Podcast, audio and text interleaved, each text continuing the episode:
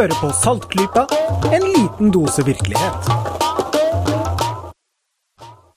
Velkommen til episode nummer 137 av Saltklypa.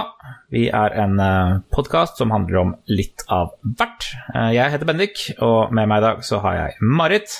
Hallo, hallo. Og vi får besøk av Lisha litt senere. Dessverre så er både Kristin og Jørgen syke, noe vi angrer veldig på, for vi har en veldig fin episode i dag.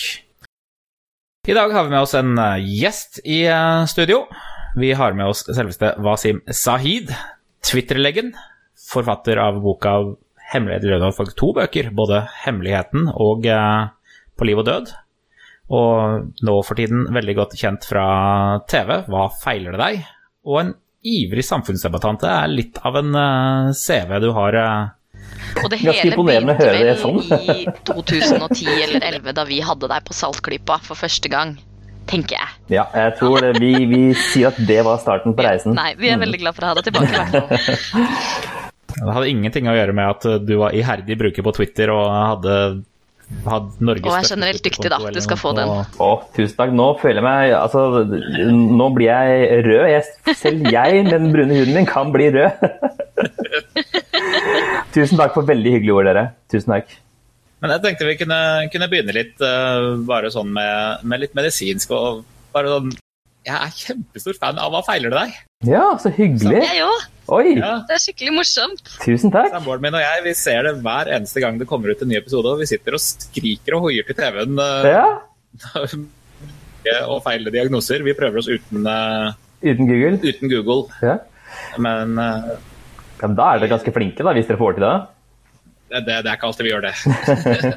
Kanskje vi burde forklare konseptet hvis det er noen lyttere som ikke har eh, sett det før. Ja, hvis, eh, hvis det er noen lyttere som ikke har sett Hva feiler det deg på NRK, så først så, så burde de det. Men konseptet er jo da at du tar et team på tre leger, hvorav da Wasim er en av de, mm. og tre som konkurrerer mot tre eh, sivile, eller privatpersoner, Ja, ikke helsepersonell. i, i, som ikke har helsepersonellbakgrunn, ja, Mhm. I å prøve å diagnostisere folk som kommer inn i studio. Ja, og det er ekte Og- pasienter. Ekte pasienter. Mm. Legene må stole på den kunnskapen de har oppi hodet sitt, mm. mens det andre laget får lov å bruke Google. Mm. Ja, det er bare gøy. Så, så der har vi jo vært innom eh, både at rykter blir satt på spill, og eh, du har jo du banka jo ryktet ditt på én diagnose Denguefeber. Mm. Ja. Og, og det er liksom litt lurt å bare spørre, er det, er det gøy å drive og diagnostisere folk på den måten her? Altså, du, Ja, det, er, det er jo kanskje litt eh, kreert eller konstruert i eh, Ja. feiler der, for der skal du jo få nok informasjon til å klare å gjøre diagnosen. Ja.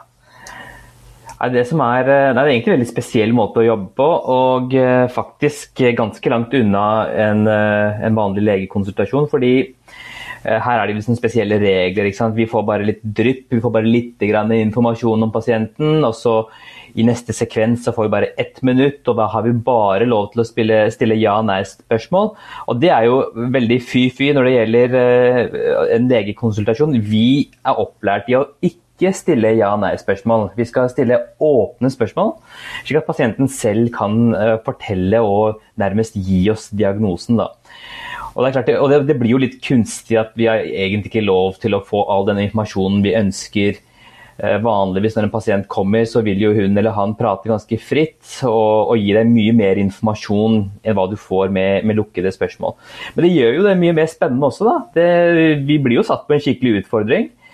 eh, Og må virkelig bruke ja, det meste av den kunnskapen vi har, og, og drive og tenke frem og tilbake for å prøve å finne ut av hva det er som feiler pasienten. da. For en av de tingene jeg legger merke til i, i forskjellen på metodikken da, mellom legelaget og eh, privatlaget, er jo det at dere vet jo umiddelbart hvilke spørsmål dere skal stille for å prøve å grave fram en diagnose. Liksom dere, dere vet med en gang å stille Går du på medisiner, har du blitt operert, gjør det vondt andre steder? Og så kan dere alltid stille kontrollspørsmål Liksom, liksom, og- og så teste hypotesene deres. Liksom sånn, ok, ja, Hvis det er noe med leveren, da har hun ikke også vondt i armen. Så spør dere på en måte om det for å få, få kontrollert uh, hypotesene deres. Men faktisk så kan man ha vondt i armen hvis man har leverproblem, fordi på, leveren den ligger på høyre side av magen.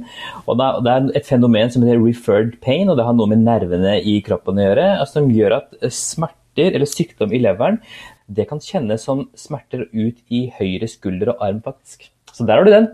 Ja, så der røk jeg rett ut. ja, for jeg, ja, for jeg tenker også Hver gang jeg hører om, eller hver gang jeg leser, leser noe sånn legesaker på internett, så, så, ikke minst så er det alltid kreft, men ja. så, så, er det alltid sånn Du kan hende at leverproblemet gir deg vondt i høyre arm, men det kan også ikke gjøre det. Ja, ikke Fordi alle er forskjellige. Alle er forskjellige, og det, det, er jo det som er det kliniske blikket ikke sant? som en lege, en trent lege skal ha. Det er å klare å liksom, Alle kan jo lese eh, symptomene på en sykdom og, og, spørre en person om vedkommende har de symptomene, men det er noe med å sile ut hva som er viktig informasjon og hva som ikke er viktig, og hva som er mest sannsynlig. Eh, og det er der på en måte legeerfaring og liksom, Hvis jeg leser noe på Google, mm. uh, så er det litt som at jeg leser et pakningsvedlegg i, på Paracet-pakka. Liksom, det står masse sære symptomer og, og liksom ekstremt sjeldne reaksjoner som man kan få der. Og jeg vet ikke på en måte eh, hvis det står at det er liksom et syndrom der da, som liksom i realiteten rammer én av 100 000, så vet jo ikke jeg det, for det står jo ikke det, liksom. og da Å få skalert det, liksom. Mm. ja, jeg, jeg er jo i utgangspunktet Uh, alle, liksom, folk spør liksom, er, det, er det kjipt at pasienter googler og kommer på kontoret og kan mer enn deg. og sånne ting. Nei, altså jeg er egentlig, jeg er egentlig glad for at pasienter uh, googler og leter opp kunnskap om sykdommen sin, for det viser at de er interessert i å bidra, i å ta ansvar for sykdommen, i å være med på utredningen og være med på behandlingen. Så i det store og hele så er jo det en fordel å ha en kunnskapsrik pasient. Men baksiden er jo selvfølgelig sant, at når man når man googler, så kommer ofte de skumleste tingene opp. Googler du hodepine, så vil ho hjernekreft komme opp. Googler du magesmerter, så vil tarmkreft komme opp. Så da, da blir det veldig fort til at du øh, Og som en øh, ikke-helseperson så er det ikke alltid like lett å vite om, øh, om, de symptomene du har, virkelig er symptom på noe alvorlig eller bare noe banalt, som det oftest egentlig er. Så det kan jo skape en del sånn angst og, og, frykt og sånne ting også. Da kommer det kanskje litt, nocebo-effekt òg, hvis folk er ekstra Bekymra, liksom.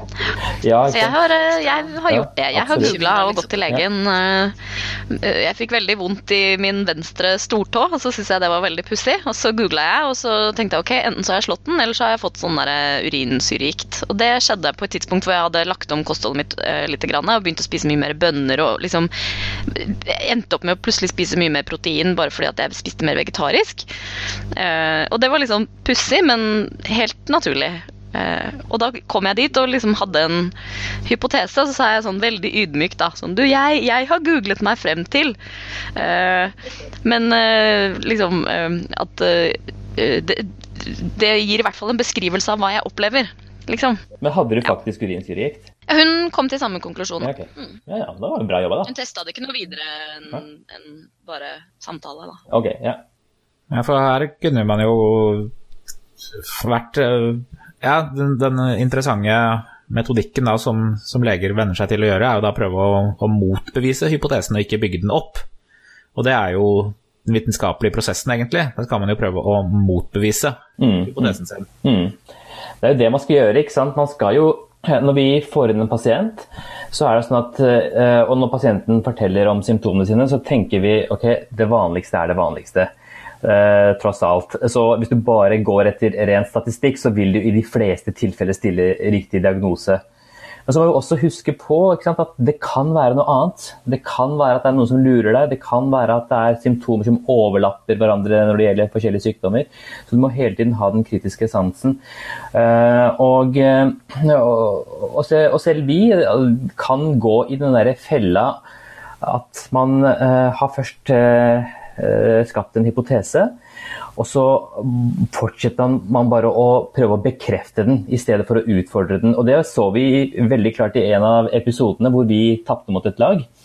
Uh, hvor vi hadde en pasient som hadde uh, symptomer som kunne passe både med det å være bipolar, ha en bipolar lidelse, og det å ha høyt stoffskifte, eller det som heter hypertyreose. Eh, vi er på en måte hoppet ganske tidlig i prosessen på bipolar lidelse, eller manisk depressiv lidelse, som det også kalles. Og så så jeg programmet etterpå at derifra og ut så stilte vi kun spørsmål gang på gang på gang som bekreftet vår egen mistanke.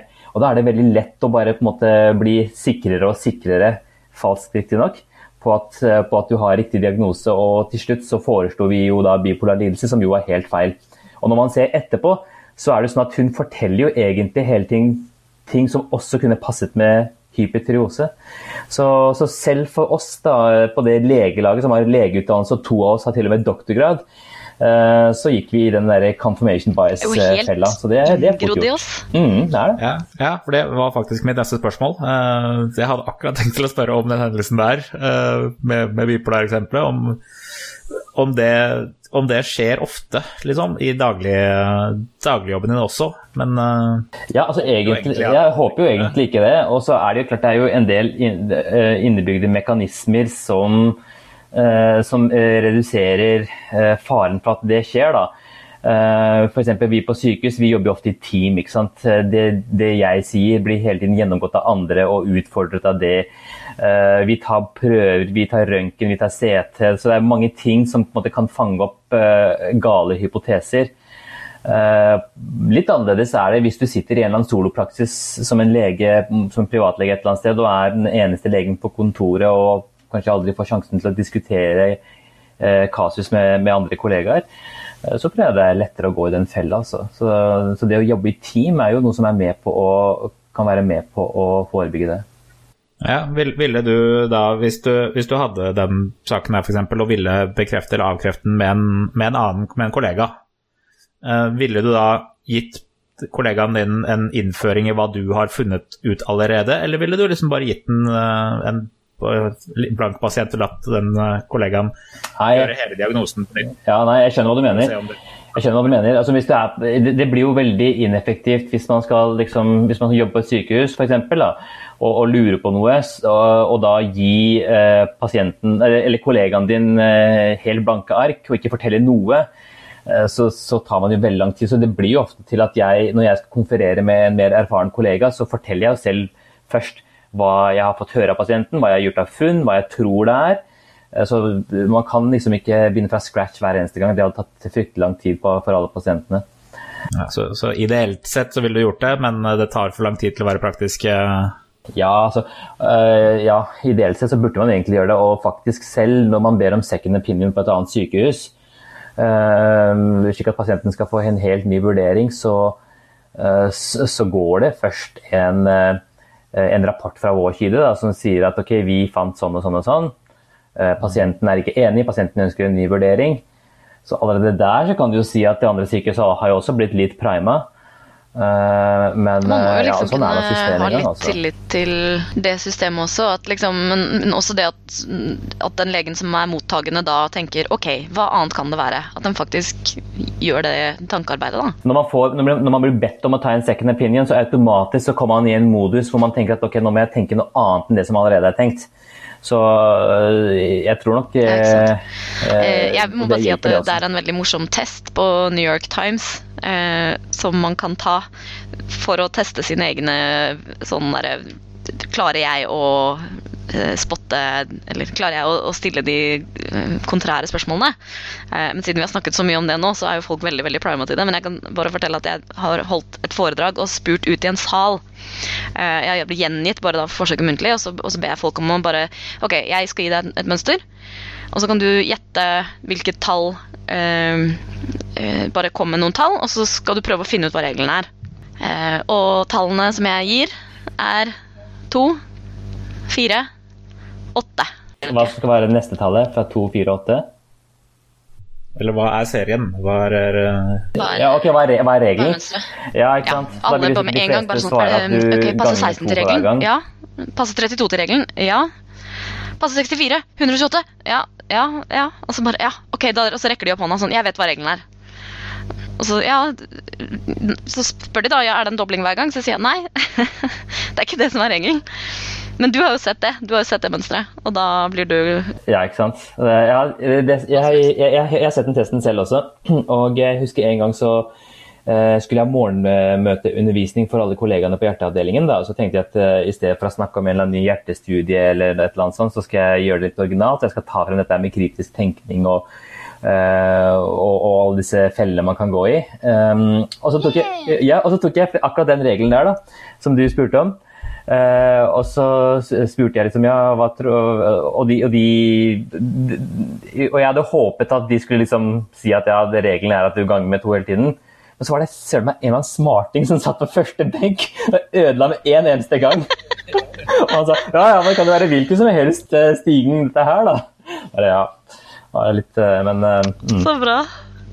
Jeg testa det eh, to ganger på en helg, og da klarte de det ikke.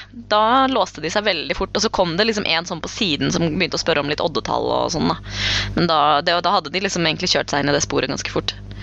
Veldig ja, det, er ganske, det er ganske fascinerende altså, hvordan vi, vi, gjør det. og jeg tenker at Utifra, altså, I et evolusjonsperspektiv så er det helt sikkert en fordel for menneskene. Det har alltid vært det å lage, tenke mønstre, se mønstre. Uh, for det, det, hjelper oss å sortere tankene våre og informasjonen rundt oss. Men um, kan også gå i fella. Sånn er det. Ja, det er, det er veldig lett, og det er det hele kritisk tenkning handler om. Å komme seg ut av den, uh, ut av den fella der. Men apropos å komme seg, apropos å komme seg ut av uh, feller. Du, den uh, siste boka di handler jo om en hemmelighet. Kom igjen, Wasim. Du må avsløre hva hemmeligheten er. Hva er hemmeligheten? Hemmeligheten, ja. ok. Boka heter jo 'Hemmeligheten. Slik lever du godt lenge'. Og det er jo Jeg må jo bare innrømme at uh, altså tittelen skal jo være litt blikkfang, da. ikke sant? Så når man leser selve boka Jo, beklager. Men altså, jeg kan godt fortelle hva er hovedpunktene. Nå, nå, har boka vært ute såpass lenge at nå bryr jeg meg ikke om den selger mer eller ikke, så jeg kan godt fortelle hovedfunnene mine. Uh, så, så, så, det er jo egentlig en uh, Meningen var å skrive en livsstilsbok, men som skulle være mye mer evidensbasert. Eh, at jeg skulle virkelig gå inn i hva, hva, forskningen viser om hva det er som på en måte forebygger sykdom, forlenger livet og gjør at du har det godt. da. Uh, og, uh, og, så er det jo sånn at det viser seg at det er egentlig ikke noen hemmelighet. Det er egentlig ganske logiske, uh, fornuftige ting som er satt i system hos de som klarer å leve lange og gode liv.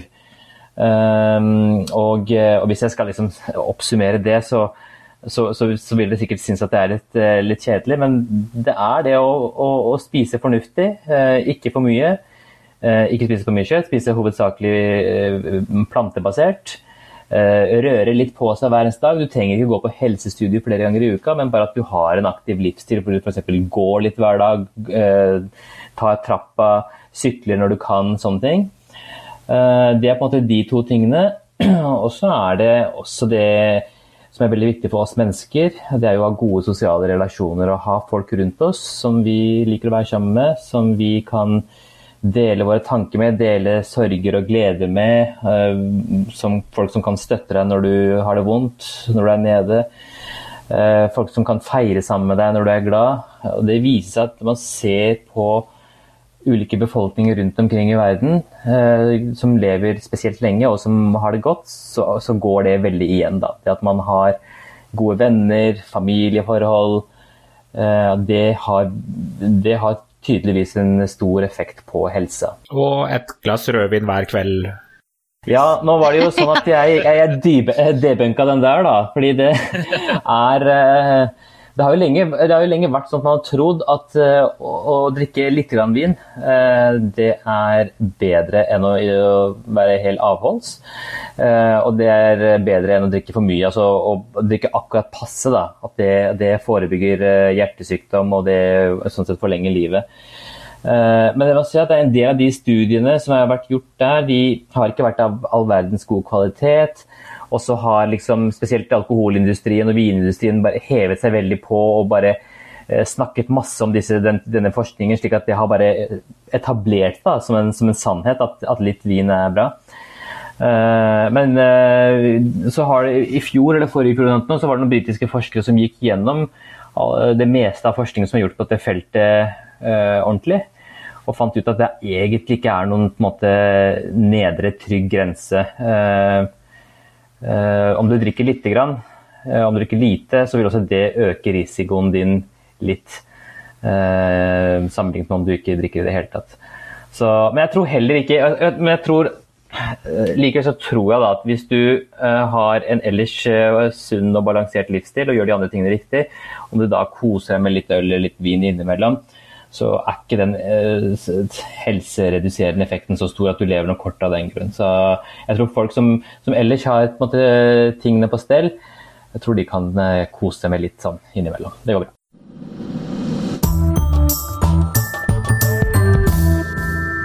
Jeg har uh, lyst til å bytte litt, uh, litt tema. Uh, vekk, fra, vekk, fra, legen, eller vekk fra dagjobben din, og mer over til noen av hobbyene dine. Fordi det, det første ordet i Twitter-bioen din er jo ateist. Stemmer. Og, og sånt, sånt, liker jo vi, da, ikke minst. Men, men, men så hadde jo jeg lyst til å, til å spørre, fordi selv om du jo er en ekte nordmann, og vi er et stort sett sekulært samfunn, så, så kommer du fra minoritetsbakgrunn også. Og da lurer jeg jo litt på Vet du litt om hvor utbredt det egentlig er? Vi, ser det jo egentlig ikke i, i det daglige samfunnet.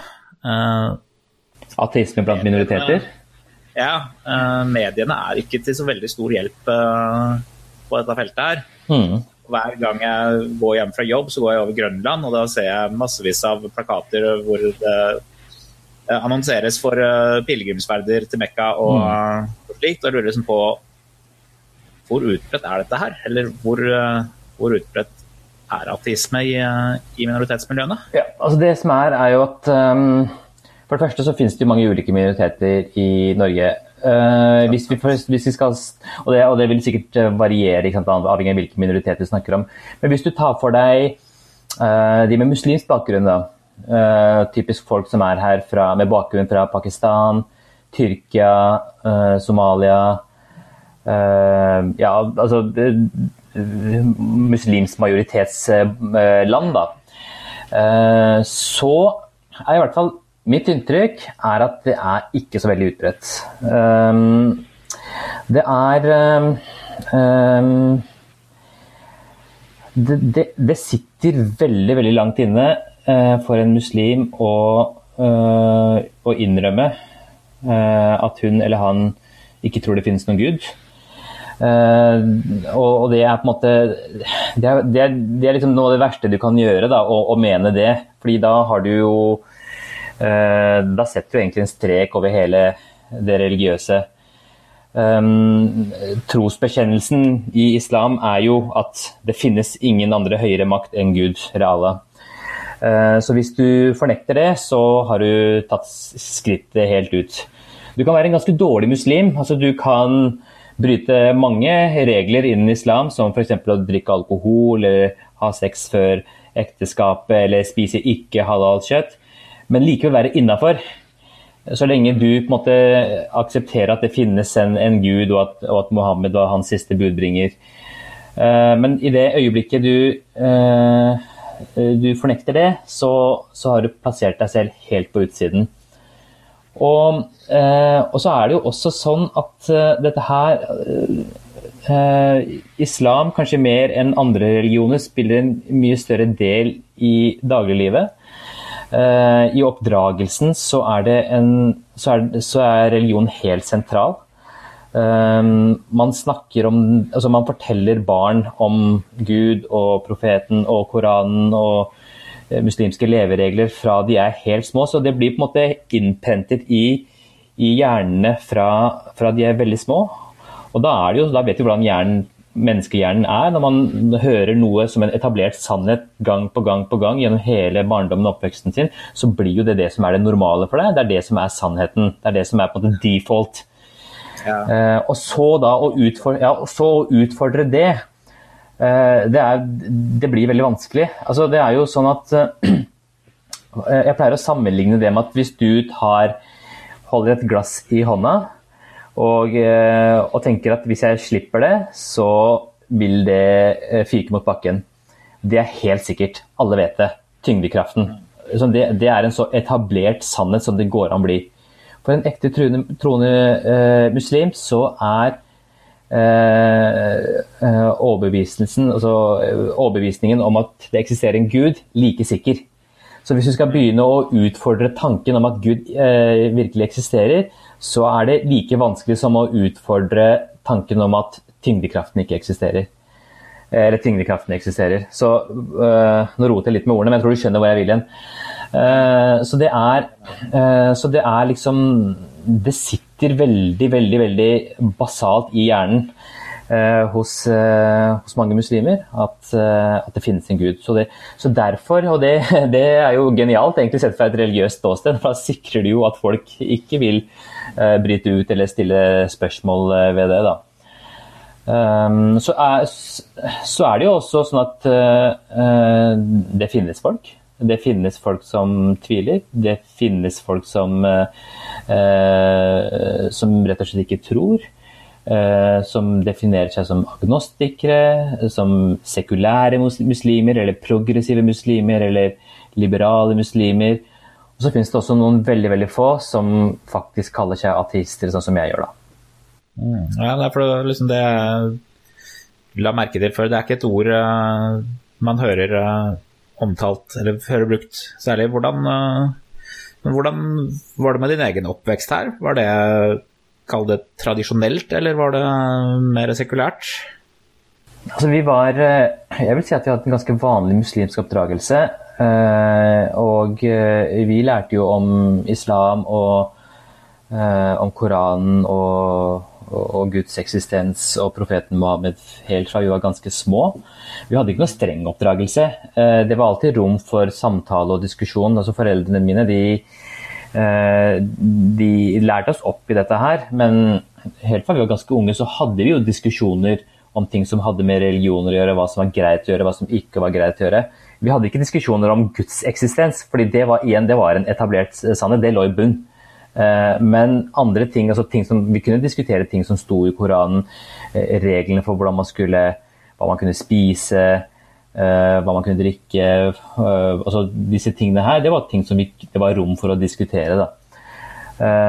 Men, men jeg vokste jo opp med en overbevisning om at Gud eksisterte. Gjennom ungdomstiden min og også gått inn i voksen alder, egentlig. Men jeg husker også at helt fra jeg var liten, ganske liten egentlig, eh, så hadde jeg på følelsen at det var noe med dette religiøse narrativet som ikke stemte. Jeg fikk det liksom ikke til å gå i hop. Eh, dette her med at eh, hvor kommer vi fra, hvem er det som skapte universet? og hvis det er sånn at det var en gud som skapte universet, ja, hvem er det som skapte Gud, da? Og sånne ting. Helt fra jeg var liten så fikk jeg ikke ligningen til å gå opp, da. Eh, men, eh, men, igjen så var det liksom så, så forbudt og så tabu å tenke de tankene eh, at, at, man skammet seg litt over å ha sånn tvil også. Og så vil man jo veldig gjerne være som alle andre. Jeg tenkte liksom ja, hvis, jeg, hvis jeg noen gang tvilte på at det fantes en gud, så tenkte jeg det kan ikke være sånn at jeg tar feil og flere milliarder mennesker Nei, at, at jeg har rett og flere milliarder mennesker tar feil. Eh, mm. Ikke sant? Og, og så, så, så, man, mm. så, I den grad jeg fikk de tvilstankene, så, så bare klarte jeg å, å, rasjonalisere meg i hermetegn uh, ut av det. da, Og, og overbevise meg selv om at nei, det var jo virkelig sånn at Gud fantes. ikke sant, Jeg ser på deg, liksom, Hvem har skapt alt dette her? Det kan ikke bare oppstå fra intet. Alle de der vanlige argumentene som man ble servert fra man var liten. Uh, men etter hvert som jeg ble på en måte eldre og eldre, så, og, og tvilen stadig kom tilbake, så, så følte jeg at det, liksom, det, var, det, kom et, det, kom til et tidspunkt hvor jeg ikke kunne fornekte det lenger. Um, og jeg husker veldig godt at jeg Det var en periode av livet mitt hvor jeg pleide å be også. Hvor jeg på en måte be, ba fem ganger om dagen. Antageligvis var det også en sånn greie jeg hadde for å på en måte klare å overbevise meg selv om at, uh, om at virkelig det var en gud og sånne ting. da. Men jeg husker, at jeg, at, jeg husker også at mens jeg pleide å be, så pleide jeg å få disse tvilstankene. og Jeg skammet meg litt over at liksom, nå skal jeg liksom stå og snakke til Gud den allmektige, så står jeg her og tviler på at han i det hele tatt finnes. Og så husker jeg en gang at, eh, og det var den aller siste bønnen i mitt liv, at jeg satt på bønneteppet, hadde blitt ferdig, og så sa jeg til meg selv at da, hva er det du holder på med? Dette her er et skuespill. og Du kan ikke drive og lure deg selv på den måten her. Nå må du bare liksom ta deg sammen. Og da bestemte jeg meg liksom for at Og, da, og da, da turte jeg å stille spørsmålene. Da turte jeg å la tvilen vokse i meg. Jeg eh, måtte, presset den ikke ned lenger og lot den komme frem opp til overflaten. Og da vet jo mange av oss hvordan det er. Når først eh, det begynner å falle, så er det jo som, et, eh, som dominobrikker. Da, er det jo fort, da, da, faller jo på en måte hele det bildet. Uh, og det var jo det. Ja, egentlig. Og det er jo litt sånn at um, liksom, du mister jo um, Jeg husker den tiden da jeg på en måte begynte å bestemte meg for da, at jeg virkelig ikke trodde at det ikke fantes noe Gud lenger. Eh, det var en litt rar tid, for på en måte så var det liksom litt spennende eh, og litt frigjørende. Og liksom, Oi, nå, eh, jeg har ikke den frykten lenger om at det finnes en gud om at som skal dømme meg og sånne ting. Det, det, det føltes litt, som, litt sånn skummelt og spennende og godt på en gang. Samtidig så var det også det at når du har hatt noe i mange mange år, så blir det jo en del av identiteten din. Så du mistet jo litt av identiteten din. Eh, noe som du hadde holdt for sant og, eh, altså, og evig og absolutt. Det, når det plutselig faller i grus, så, også, så, opplevdes det jo også som litt som et tap. Det er klart, det er jo også masse man taper. Ja, ikke sant. Det er, masse, det er jo masse i ritualer, i det samværet som man har med andre, i, eh, i, i hvordan man lever, da, som, som, selvfølgelig er et tap. Det er jo, sånn, det er jo kultur i det. Absolutt. Og det å gå på f.eks. det det går fredagsbønnen på, i moskeen. Det er faktisk ganske kult. Altså, det er ganske gøy. Du, øh, du er der, du, etter, at, etter, at, du er ferdig, så møter du alle liksom, fetterne dine, onkler, slektninger, og så er man liksom, på Grønland, kan gå og ta en kebab etterpå. og det er liksom, Hele greia rundt det er, litt, det er, det er morsomt, det er hyggelig. Uh, det gjør jeg jo ikke lenger, det har jeg ikke gjort på mange år. Og, og det er klart det Må begynne å gå på, å gå på sånn fredagsyoga isteden. Ja, ikke sant, han gjør det. Men jeg kunne, jeg kunne ikke f.eks. dukket opp i en moské nå, når alle vet at jeg ikke tror, og dukket opp for opplevelsens skyld. Jeg kunne ikke gjort det, fordi det blir så disrespektfullt overfor de andre da, som er der. At, liksom, at jeg kommer bare for å liksom, ha det gøy og sånne ting. Uh, så det Så jeg kan, jeg kan, liksom ikke gjøre det heller. Det er jo en, en forskjell der, da. som tenker på liksom, sekulære jøder i USA. ikke sant? Der er jo på en måte being Jewish er en identitet mer enn det er en tro. Eh, mens det er det ikke her. Det er jo ikke det med kristendom heller da, i Norge. så. Ja, men, altså, men også kristne føler jeg, jeg kjenner mange kristne som sier at de ikke tror, men de går gjerne i kirken på, på julaften og sånt, for de syns det er koselig, og det, det skjønner jeg jo. Um, og, men, men, islam er ikke der ennå, altså. Var det, vil du si det var eh, vanskelig for deg å liksom bryte ut? Har du fått reaksjoner, eh, gode eller dårlige, fra venner, familie? Det er ganske, ja, det er ganske interessant, det der. Um, før jeg gikk ut offentlig med det, eh, og da hadde jeg jo egentlig vært ateist inni meg en god stund, så var det sånn sant, Man hørte hele tiden at nei, det er mange som mener at det er dødsstraff for apostasi og sånne ting, og det, altså frafall. Eh, at du blir sosialt utstøtt og du blir uglesett og alle de tingene der, som, som, gjorde at jeg ikke rett og slett turte å si det offentlig. Da. Så det var en del sånne ting eh, som, som gjorde at jeg var redd for å, for å komme ut. Eh, men det, jeg må si at etter at jeg gikk ut offentlig med det, så har jeg jo ikke fått noen av de reaksjonene. Eh, jeg har ikke fått eh, verken noen sånne hatmails eller, eller eh, noe på den skjulte innboksen på Facebook fra folk som på en måte er sint for at jeg har liksom stått frem som ateist. Uh, og, og ikke noen trusler om at det jeg har gjort er uh, islamsk sett ulovlig og skal straffes og sånne ting. Jeg har ikke fått noe av det. Og, og, jeg tror nok det kan liksom Det er sikkert forskjellige grunner til det, men jeg tror også det f.eks. Jeg merket at en del eksmuslimer, for å bruke det begrepet, når de kommer ut, så, så, føler de en slags bitterhet mot sin fortid, eller det at de var muslimer og har en veldig motstand mot islam og føler en, kanskje et behov for å utfordre islam eller kritisere veldig. Jeg har ikke følt det behovet. og, og, jeg har liksom ikke Så jeg har ikke gått ut og kritisert andre muslimer for at de tror For meg så er det veldig sånn at Eh, at eh, okay, For meg så virker disse tingene ikke logiske. For meg virker det ikke logisk at det finnes en gud. Men hvis det gjør det for deg, og du tror på det, det, det er din sak. Men jeg har ikke liksom tenkt å være den som, skal nå, den som nå har sett lyset. Eh, og skal liksom forkynne til alle andre og fortelle hvor flott det er å være ateist og hvor dumt det er å være muslim. og sånne ting. Så jeg har liksom ikke tatt den rollen. Uh, og da har jeg nok sluppet. Ja, det er jo ingen av oss som egentlig eh, gidder og, eller har så veldig lyst til å gjøre det, for du veit jo at uh, du er en skikkelig partypooper hvis du kommer og, og gjør sånn. Jeg, jeg, jeg, altså jeg, fikk no, fikk noen litt interessante, morsomme reaksjoner.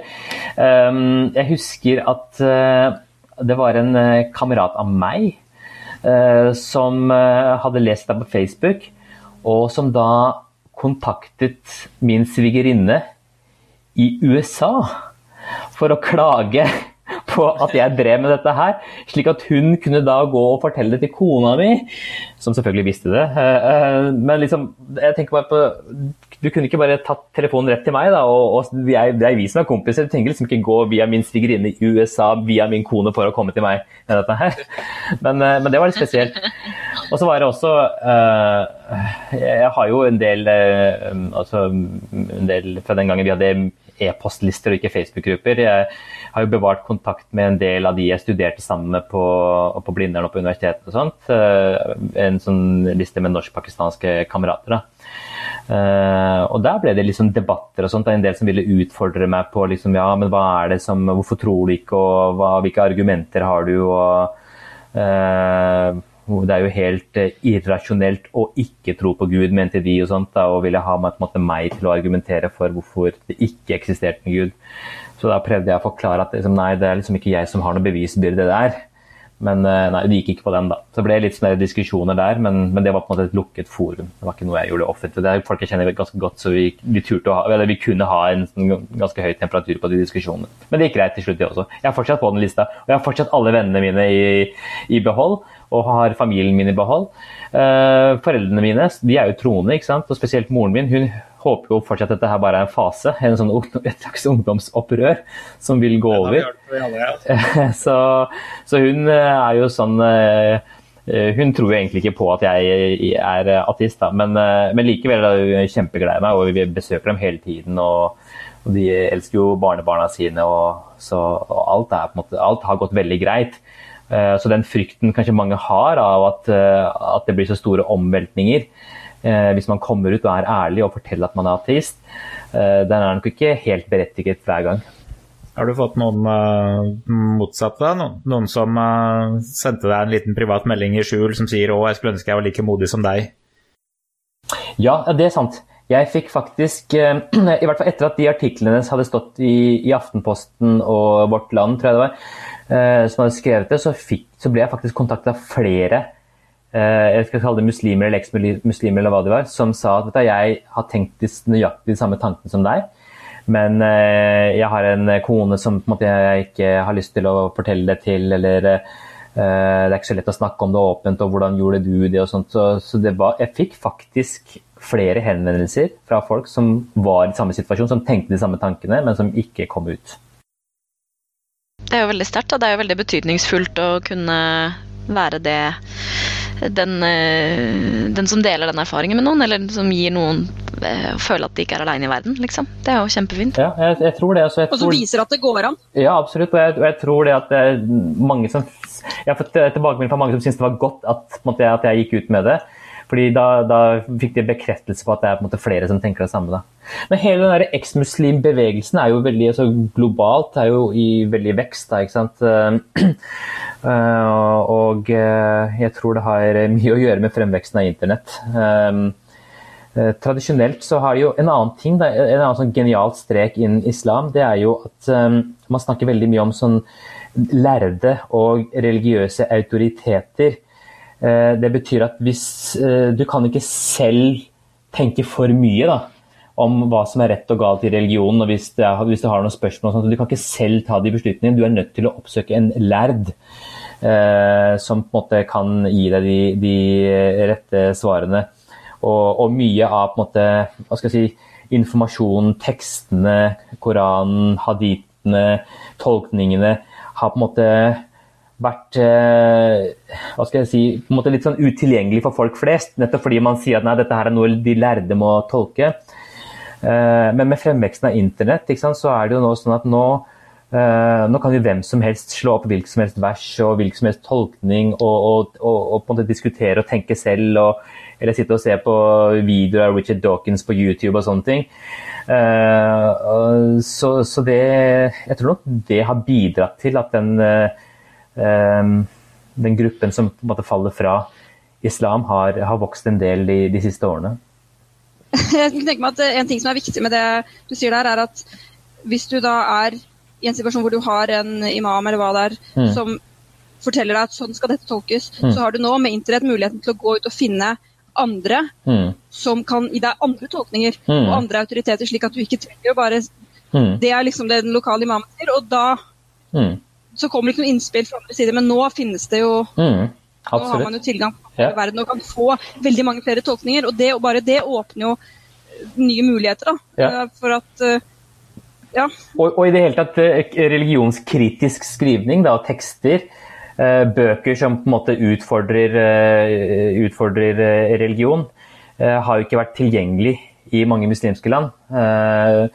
Mens nå kan man liksom gå på nettet og lese og, og, og, hvis, den, hvis, de tingene ikke har vært tilgjengelige, så har du heller ikke stimulert hjernen din til å tenke de tankene. Men nå kan hvem som helst gå på nettet og, finne artikler som, som, påpeker feil i Koranen, eller inkonsekvente ting i Koranen, eller eh, viser eh, haditer, altså disse um, uh, andre skrift, hellige skriftene i, i, innenfor islam, hvor, og kan påpeke at du ser her, dette som står her er helt absurd, det, det, kan ikke stemme, og sånne ting.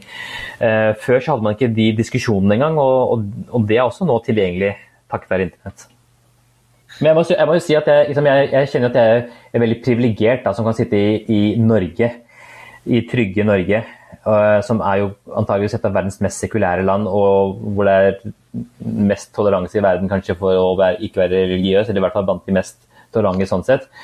Uh, og når jeg tenker på Det er noen veldig veldig modige sjeler som sitter i land som Pakistan og Bangladesh og til tross for alt som finnes der av eh, religiøse ekstremister og religiøs politi og religiøse ledere og sånne ting, tør å sitte og skrive ting på nettet som er kritiske, tør å blogge eh, og kritisere religion med livet som innsats.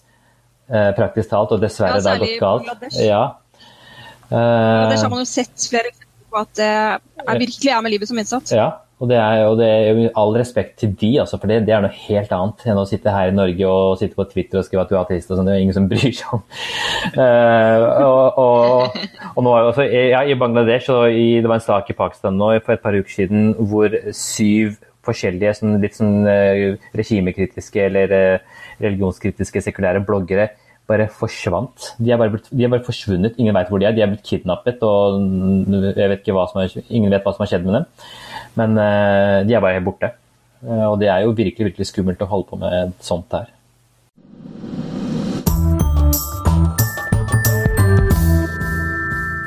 Når du nevnte det å, å sitte i, i, trygge Norge, så, så, er det egentlig en veldig fin eh, segway inn på det siste temaet jeg hadde lyst til å spørre deg litt om. Og det, det er jo det enkle spørsmålet hvor er du fra? Jeg er Nå fikk jeg ikke tid til å tenke gjennom et godt svar engang, da. um, jeg er fra Norge. Uh, jeg, jeg, snakket med han der, vet, han der Chirag Patel uh, fra, fra, Carpe Diem. Han, uh, han, pleier å si at jeg er helt norsk, og jeg er helt indisk. Um, jeg føler at jeg er helt norsk, og at jeg fortsatt er litt pakistansk. Um, men hvis noen spør meg hvor jeg er fra, hvor jeg kommer fra um, ja, Vi har jo fått med meg den diskusjonen liksom, som har vært Du sa ikke bare Haugenstua, eller? Jo, jeg har, jeg, har, jo fått med meg den diskusjonen som har vært den siste tiden om folk som på en måte blir litt offended over uh, altså, uh, altså andre- og tredje generasjons innvandrere som blir litt fornærmet når folk spør ja, hvor kommer du egentlig fra, eller hvor kommer du fra. Eh, jeg må si at jeg ikke bryr meg så fryktelig mye om det. Eh, jeg får det spørsmålet veldig ofte, og jeg får det av gamle mennesker, pasienter. eh, som ligger på sykehus, som syns kanskje det er litt eksotisk med en mann med brun hud og svart hår, som ikke er så vant med det. Og da spør de hvor kommer du fra, og jeg vet jo at de ikke lurer på om jeg bor i Lommedalen eller i Oslo. Jeg vet at de lurer på hvilke land jeg har bakgrunn fra, eller hvor foreldrene mine kommer fra. Og da, da, da gidder ikke jeg å svare Lommedal for å være kjip mot en 85-åring. Uh, da, da, svarer jeg at du, jeg, foreldrene mine de kom fra Pakistan uh, på 70-tallet, og, og, jeg er født og oppvokst der. Og det er de, et svar de er kjempefornøyd med. Og så, uh, så jeg, jeg, må si at jeg syns det at man skal reagere på eller bli fornærmet over at noen spør hvor du kommer fra, det, det syns jeg er litt, litt mye. Det, ja. Altså jeg, kan ikke, jeg, jeg kan ikke bestemme hva andre skal føle. Og, og, hvis de føler det, så har jeg respekt for at de føler det. Men Jeg personlig tar meg ikke nær av det. Men det, fordi du sa jo det. Du er jo norsk. Og ja. det synes jeg personlig er helt greit og helt enig og liksom Det må man kunne egentlig få lov å, å definere selv. Mm. Og liksom, så kommer vi her med utspillene fra Sylvi Listhaug eh, i fjor høst, hvor eh, sånn, i Norge spiser vi svin, drikker alkohol og dekker oss ikke til. Og mm, mm. julebrevet fra Linda Helleland, hvor hun prøvde mm. å, å, si at uh, Norge det handler om Marit Bjørgen og lutefisk og, og sånn. Og så Samtidig så, så, som sagt, så lette jeg gjennom Twitter-feeden din, og du har jo en del tweets som er så jævlig torske. At, uh, at du, du, sitter der og tweeter Yes, nå sitter vi her og ser på Nytt på Nytt. Vi har akkurat fredagstacoen, og dette her er liksom ja.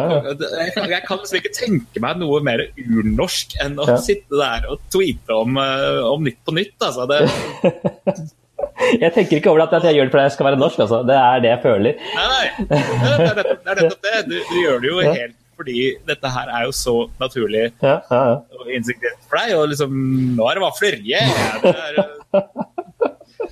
og liksom når, når, du sitter og tweeter sånn så, så, kan jeg liksom ikke tro at noen ikke syns at det der er så jævla norsk. Ja. Nei, altså jeg Hva skal jeg si? Um, jeg syns jo vi, Den retorikken til spesielt Listhaug Uh, og, og til viss grad eh, hun Helland Hofstad Eh, er jo uh, Jeg tror at de på en måte skal hva skal jeg si, kurtisere eller appellere til en spesiell gruppe velgere da, når de snakker på den måten der. Det er liksom, til, det er liksom det, altså preaching for the altså de, de Det er liksom bastionen sin, holdt jeg på å si. Eller de sier ting som de vet Eh, slår an hos en spesiell type folk, da, hos, en, hos, en, spesiell befolkningsgruppe.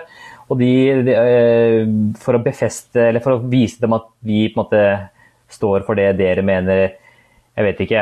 Men, men jeg, jeg, tenker at hvis man virkelig mener på en måte er alvorlig om, eller uh, virkelig mener at uh, Eh, innvandrere skal integrere seg og bli del av det norske storsamfunnet og, og føle, seg, føle, seg, norske, eh, så er ikke akkurat den type retorikk veldig hjelpsom. Eh, for det er noe som, som skyver folk mer ifra seg. Og f.eks. det å si da, at ekte nordmenn de spiser svin, drikker øl og kler ikke på seg, Eh, så, eh, så, så, sier de, de jo, så sier jo hun basically ganske klart og tydelig at er du muslim, så kan du ikke være norsk. Eh, og det er jo egentlig Da får ikke de muslimene heller så veldig lyst til å føle seg norske eller gjøre en anstrengelse for å bli mer norske eller bli mer integrerte. Fordi da tenker jeg at ok, Hvis de skyver oss fra seg, så har ikke vi tenkt å komme snusende etter som hunder eller hva, og prøve å få innpass likevel. Ehm, så, så, så, hvis man mener alvor med at man, man, vil at folk skal integrere seg, så mener jeg at man må la være å si sånne ting. Fordi ord har effekt. Ord påvirker folks tanker og følelser, eh, og det der hjelper ikke. Ehm, så, så, så, mener jeg at man kan eh, det å, det å være norsk Hvis du bor i Norge, hvis du er født og oppvokst her, hvis du føler det er egentlig handler om en følelse. Hvis du føler deg norsk, hvis du kjenner tilhørighet til Norge, hvis du føler lojalitet for, for Norge, så er du norsk. Det spiller ikke noen rolle hva du spiser eller drikker. Eh, og det er det som er det viktigste.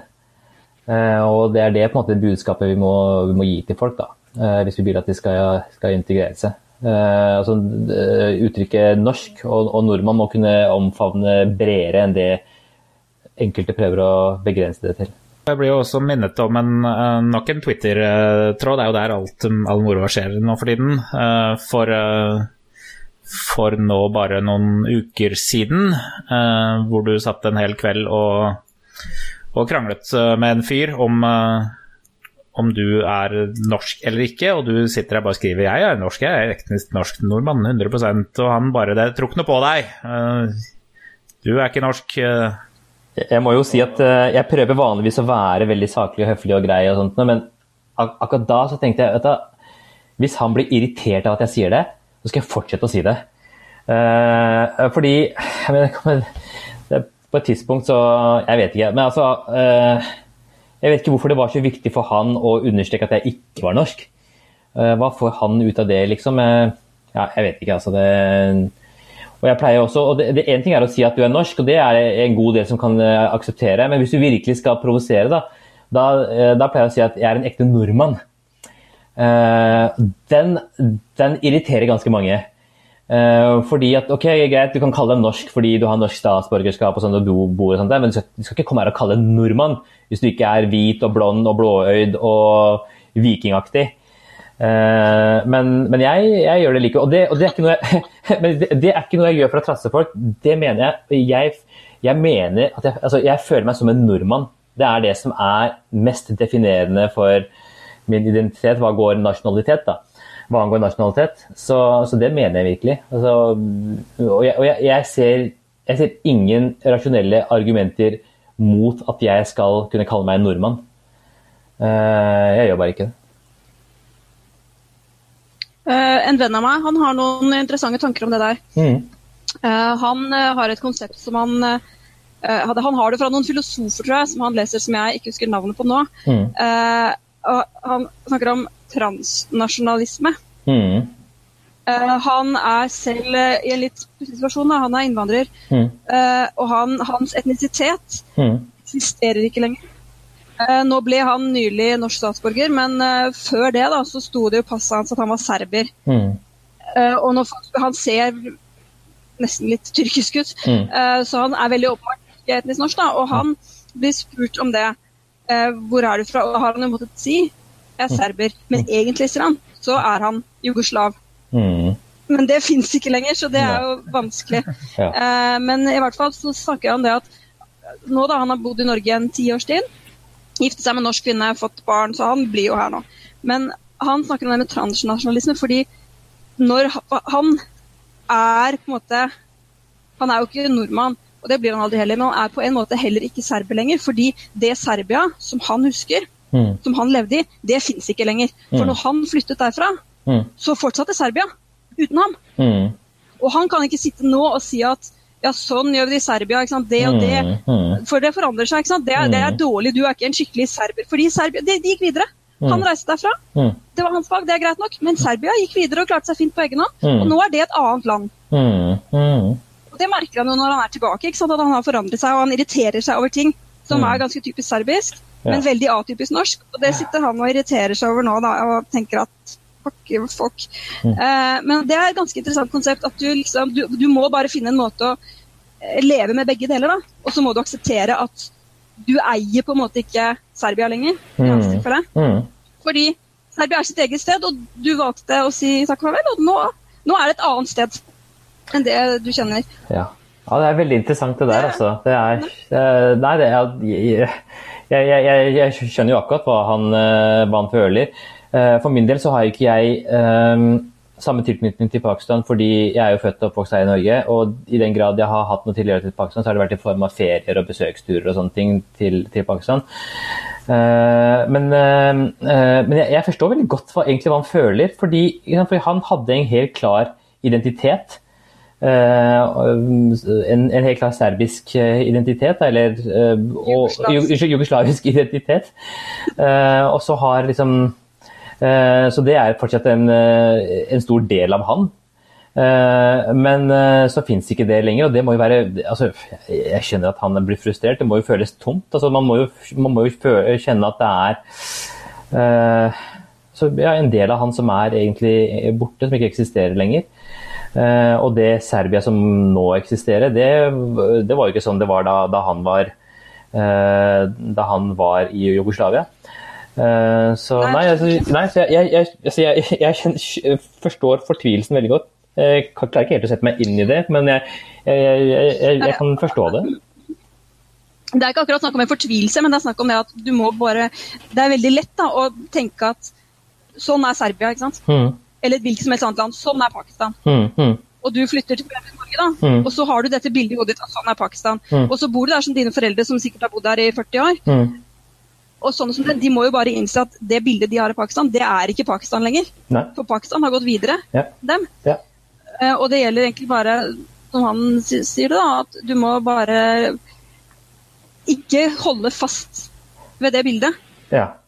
Men ta det som liksom du har av det gode som da var eh, din serbiske identitet eller pakistanske eller hva det er, og så prøve å uh, skape noe nytt. da.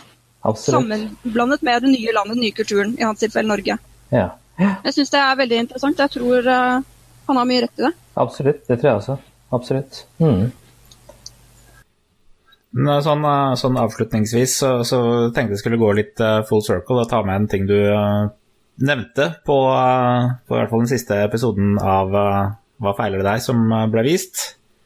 Og, og spørre Dra på Bangla-konsert, det er jo ikke noe som vanlige nordmenn gjør, er det det? da? Nei, men du, nå skal du høre.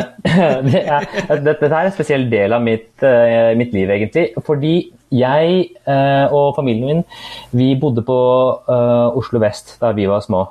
Så vi var den eneste pakistanske familien i det området. Og på de skolene som jeg gikk, både på barneskolen, ungdomsskolen og på videregående, så var jeg omtrent den eneste fremmedkulturelle, for å bruke det uttrykket. Egentlig den eneste ikke-hvite. Eh, så eh, jeg hadde alltid norske venner og drev på med typisk eh, norske ting. Og hadde egentlig ikke så veldig altså, noe sterkt forhold til pakistansk kultur og musikk, og, eller asiatisk kultur og musikk på den, på den måten. Og så, og, så, begynte jeg på Blindern da jeg var 19 år.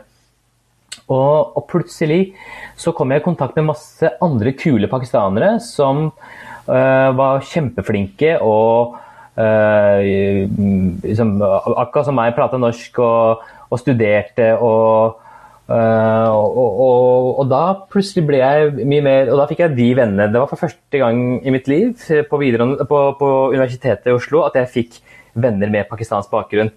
Uh, og da fikk jeg fikk den der pakistanske kulturen um, det, var, det var, egentlig da jeg ble skikkelig introdusert til den. Den asiatiske pakistanske, eller desi-kulturen, for å bruke det uttrykket. Uh, og, og syntes det var kjempekult. Og, og, og begynte å, føle at det var dette som var identiteten min. Dette her, det er jo dette her jeg kommer fra. Jeg fant et fellesskap. Jeg fant andre som var som meg, men ikke som andre nordmenn. da. Eh, og begynte å, å oppdage bangla-musikk og, og, ble jo helt uh, frelst uh, av det. Så det, det, var egentlig en ganske viktig begivenhet i, i livet mitt. og så gikk jeg på den Bangla-konserten da, på Rockefeller, som var ganske dårlig. og var ikke, var ikke, en kjent artist i det hele tatt, og spilte forferdelig høy musikk. Og jeg pådro meg en øreskade som jeg har hatt den dag i dag, 22 år seinere. Burde jo ikke, ikke, le av tinnitus, men uh, det er jo morsom historie for det, da. Men det er jo helt uhelbredelig, er det ikke? Du blir aldri kvitt det? Nei, jeg, jeg, så vidt jeg vet så finnes det ikke noe behandling på det. Man kan liksom drive med avledningsmanøver og sånne ting, som vi så han gutten gjorde. Uh, jeg er ikke så plaget uh, at, jeg, at, jeg, må gjøre det, men hvis jeg er veldig sliten og hvis jeg har sovet lite, så, så hører jeg, og så blir den lyden ekstra høy. Og, øh, og da, Noen ganger kan man bli helt fiksert med den, så da klarer du ikke å overse den, og da er den der hele tiden. Men stort sett så er det bare sånn å prøve å gjøre noe annet og få tankene opp på noe annet, så, så, så, merker jeg den ikke lenger, selv om den er der. Jeg tror jeg vi uh, sier, uh, setter strek for i dag og sier tusen takk til uh doktor, doktor Wasim Saeed. Tusen, tusen hjertelig takk for at jeg fikk eh, nok en gang komme her. og jeg syns tiden gikk så fort. Det var så mange interessante ting. Skulle gjerne pratet masse mer om dette. her, Men uh, tusen takk for gode spørsmål. og ja, Det var veldig gøy å være her nok en gang. Vår glede også. Kjempehyggelig. Mm.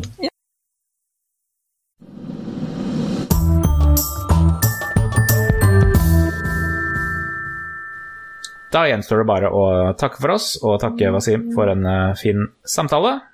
Vi uh, har lært masse. Og så høres vi igjen om et par ukers tid. Ha det bra, alle sammen. Saltklypa lages av Kristin Lisha, Jørgen og Bendik. Har du spørsmål, anbefalinger, ris eller ros, send det til post at saltklypa.no, eller finn oss på Facebook.